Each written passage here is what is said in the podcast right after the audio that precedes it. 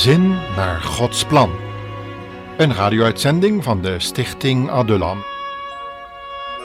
Welkom luisteraar in de vervolgserie van Radio Bijbelstudies over huwelijk en gezin.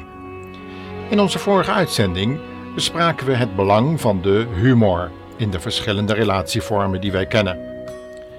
In dit programma willen we stilstaan bij het onderwerp stille tijd ofwel de tijd die wij besteden aan onze omgang met God en de Heer Jezus Christus. Laten we opnieuw luisteren naar wat mevrouw Annie Berens hiervan heeft gezegd.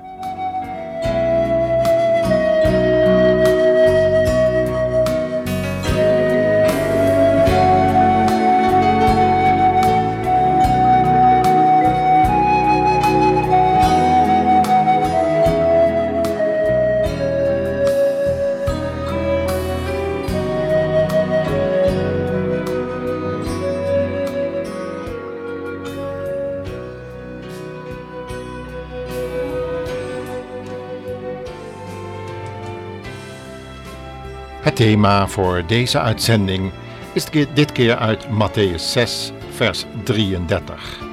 Daar zegt de Heer Jezus het volgende: Maar zoekt eerst zijn koninkrijk en zijn gerechtigheid, en al deze dingen zullen u worden toegeworpen. Al deze dingen.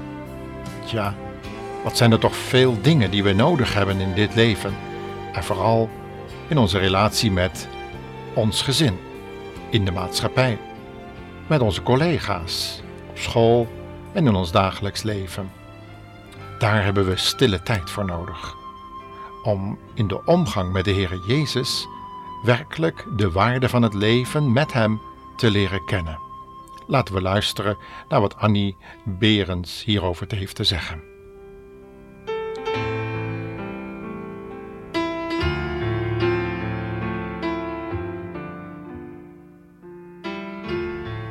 De volgende morgen, als ik wakker word, weet ik het ineens weer. De Heer logeert hier. Tje, het is toch geen logeren. Hij brengt geen bezoek. Hij blijft. Hij wil hier in mijn huis wonen. En dat is wat, zeg. Ik ben benieuwd wat deze dag me brengen zal met hem. Als de kinderen naar school zijn, en mijn man naar de fabriek is, begin ik eerst alles op te ruimen. En dan vraagt de Heer heel gewoon: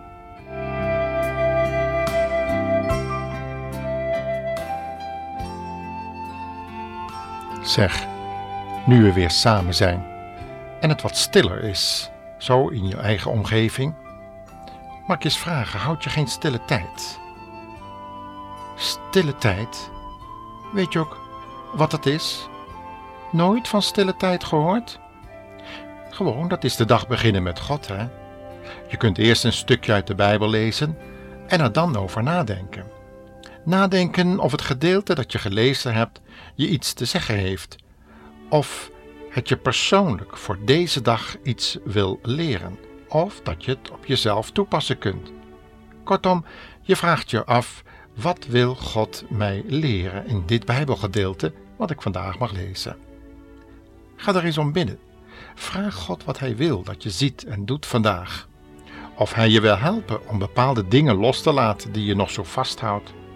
Vraag elke morgen of Hij je wil wassen en reinigen door het woord wat ik gesproken heb. Vertel Hem wat je verkeerd gedaan hebt. Zeg het Hem maar open en eerlijk. Leer hardop te bidden. Hardop praten. Want je weet toch wel wat dat bidden of praten met God is? Leer al je gevoelens en twijfels uit te spreken en leer ook te luisteren naar Hem, naar wat ik jou door het woord te zeggen heb. Vraag inzicht in wat je niet begrijpt. Ook kun je bijvoorbeeld in je stille tijd er een boek bij nemen. Een boek wat uitleg geeft over dat bepaalde gedeelte uit de Bijbel wat je op dat moment niet goed begrijpt. Of een boek over de waarde van gebed. Lees daar iedere morgen maar een hoofdstuk uit en leg de Bijbel ernaast. De inhoud van dat boek moet altijd zo zijn dat de Heer uit de Bijbel er groter door wordt. Als je boek leest, naast of in je stille tijd, moet het wel een goed boek zijn. Nee, nee, stil maar. Ik weet wat je zeggen wilt. Dat je niet altijd weet of het een goed boek is. Zo is het toch, hè? Nou, een goed boek moet altijd de Heer Jezus groot maken. Een goed boek moet je dichter bij God brengen. Het moet Hem in het middelpunt plaatsen, niet de persoon die het schrijft. En de liefde tot Hem en tot je naaste moet er centraal in staan. Dat boek moet altijd een wegwijzer wezen naar de Bijbel, naar de Heer Jezus. Maar als je in die stille tijd een boek over het gebed leest, en er zijn er heel wat, onthoud dan één ding. Een boek lezen over het gebed is fijn. Maar een eigen gebedleven te kennen is het allerbelangrijkste. Weet je wat ook zo fijn werkt? Schrijf eens de dingen op die je in het gebed vraagt. Want je bent ze zo weer vergeten. Schrijf ook de personen op waarvoor je bidt en voor, speciaal voor hun moeilijkheden. Schrijf al die kleine dingen op die je aan de Heer vraagt. En wanneer de Heer ze dan verhoord heeft, schrap ze dan door en vergeet niet ervoor te danken. Kijk, zo ontstaat er een heel gebedslijstje. Zo groeit de relatie tussen jou en je hemelse Vader.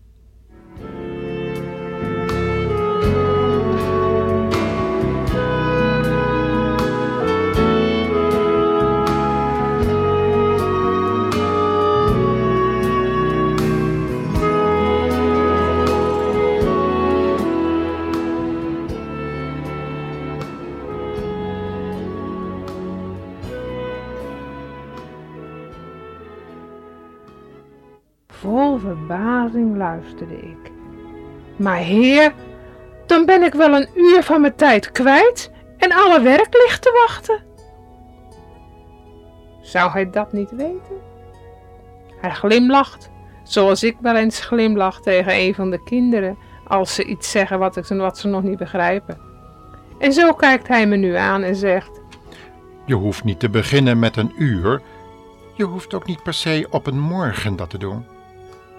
Hoewel, s'morgens ben je het meest fitte. Maar begin rustig eens 10 minuten per dag. Je moet het leren. En je zult ontdekken dat je er op het laatst niet meer buiten kunt. Je verlangt steeds meer naar dat stille uurtje met hem alleen. En de tijd? Nou, die haal je er dubbel en dwars weer uit hoor. Want die tijd is niet meer van jezelf hè. Het is toch mijn tijd geworden? Ja, daar denk je niet zo aan hè. Mijn tijd is zijn tijd geworden. Het is toch zoek eerst zijn koninkrijk en al het andere zal je toegeworpen worden.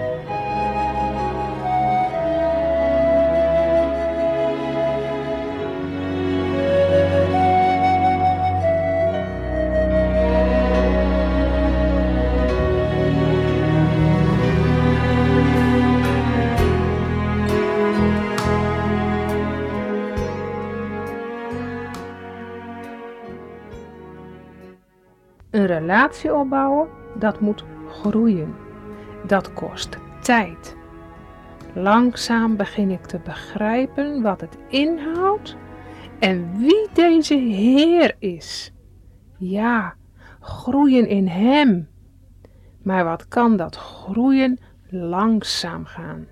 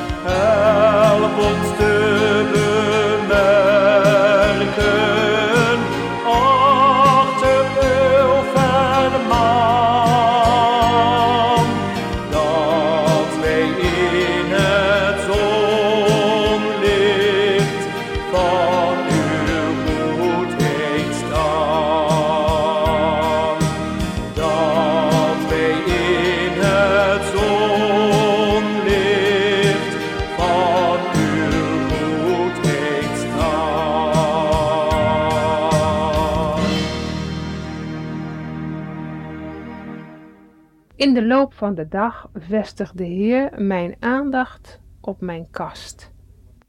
Zeg, weet je dat ik nog helemaal niet in je kasten gekeken heb? Dan wil ik ook wel eens een kijkje nemen. Doe ze eens open. Och Heer, roep ik uit, daar vindt u niets. Daar moet ik hem niet in hebben, denk ik. Want als ik de deur open doe, valt me de hele boel naar de oren. Als ik zonder erg later iets uit de kast haal, staat de Heer opeens weer naast me. En dan ziet hij die wanordelijke inhoud. Maar als je nu denkt dat hij begint te mopperen op mij, dan heb je het mis. Nee hoor, vol liefde begint hij me opnieuw een les te leren en zegt: Zeg, weet je dat wanorde helemaal niet hoort bij nieuw leven? Wanneer een kind van mij geworden bent? Kijk, jij moet ook leren je geestelijk leven op orde te hebben. Gewoon netheid hoort er ook bij. Als je iets nodig hebt, moet je het zo kunnen pakken. Je moet niet steeds tijd kwijt zijn om te zoeken. Zorg ook als de ander iets van jou wil lenen. Ik noem maar een inleiding die jij gemaakt hebt, bijvoorbeeld adressen die ze jou hebben doorgegeven of notulen die je bewaren moet. Dat de ander ze zo uit je hand kan aanpakken, zonder dat jij eerst alles overhoop moet halen, omdat je de dingen niet kunt vinden. Leg alles bij elkaar: inleidingen, alles van de vrouwengroep, alles van de zang. Draag zorg voor deze dingen. Je legt toch ook de lakens bij de lakens en de theedoeken bij de theedoeken? Zo is het met het geestelijk werk ook. Hè? Doe je dat niet, dan maak je brokken. En wat zijn er op dit terrein al een brokken gemaakt? Ja? Zal ik je eens een voorbeeld noemen? Iemand die goede boeken leest en weer een boek koopt en dat uitleent zonder het zelf gelezen te hebben, kan brokken maken. En hetzelfde geldt als een vriendin je vertelt: Kijk, dat is nou een goed boek, hè? En je geeft het meteen door aan een ander en zegt erbij: Nou, dat is me een boek, zeg. Want je zegt dan gewoon iets wat de ander jou verteld heeft. En dan kunnen er brokken van komen. De ander verdraagt niet altijd dezelfde kost als jij. Voel je wat ik bedoel? Dat een ander punt waar christenen soms slordig mee omgaan, nog iets is, zal ik je nu duidelijk maken. Bijvoorbeeld, er is iemand die je kent erg ziek. Je neemt je voor erheen te gaan. Die is deze week nog. Maar deze week ben je net zo druk met de schoonmaak en je stelt het net uit. De volgende week moeten net de kinderen de zomerkleren weer aan en er komt niets van. De volgende dag vertelt je buurvrouw: Zeg, mevrouw Pieters is gisteren naar het ziekenhuis gebracht. Ze is er slecht aan toe, zeggen ze. Dan beschuldig je jezelf dat je niet gegaan bent en je ziet voor de zoveelste maal in je leven dat het waar is. Van uitstel komt afstel. Wat neem je je vaak voor om naar mevrouw Pieters te gaan? Ze is zo eenzaam, ook nadat haar man gestorven is. En telkens denk je, nu ze weer genezen is, kom, laat ik eens naar haar binnen wippen. Maar uitstellen, afschuiven. Je bent zo druk. Nee, je geestelijke kas is niet op orde. Begrijp je? En dan zit je in de kerk of op een wijkavond. Je hoort er over de Bijbelkring praten en je wilt er beslist naartoe. En je besluit te gaan. Maar de week erop kom je tot de ontdekking dat je geen tijd hebt en je zegt: volgend seizoen, ja, dan ga ik beslist. Wat een wanorde eigenlijk. Wat een gebrek aan beslissingen en het uitvoeren ervan. En op een avond komt er iemand vragen of je mee wilt doen in het kerkenwerk of het zangkoor. En de lieve man krijgt alleen maar te horen hoe graag je het zou willen, maar je huishouden en de kinderen en en. En hij gaat naar huis zonder een medewerkster, alleen maar wetend wat een drukke bezigheden jou toch verhinderen om mee te helpen bij het gemeentewerk. Nee, nee, je geestelijke kas is nog lang niet op orde, ja. Begrijp je wat ik bedoel?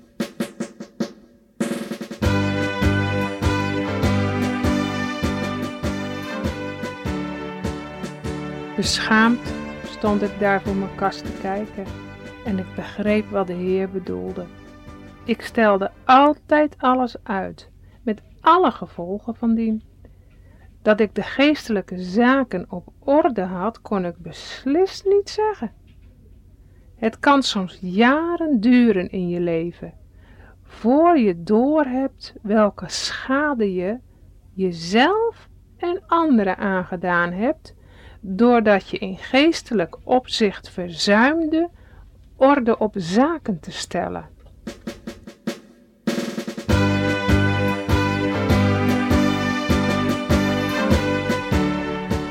In een volgend programma zullen we hierover verder nadenken met elkaar. Dan gaat het over de voorraadkast. Luister maar weer mee.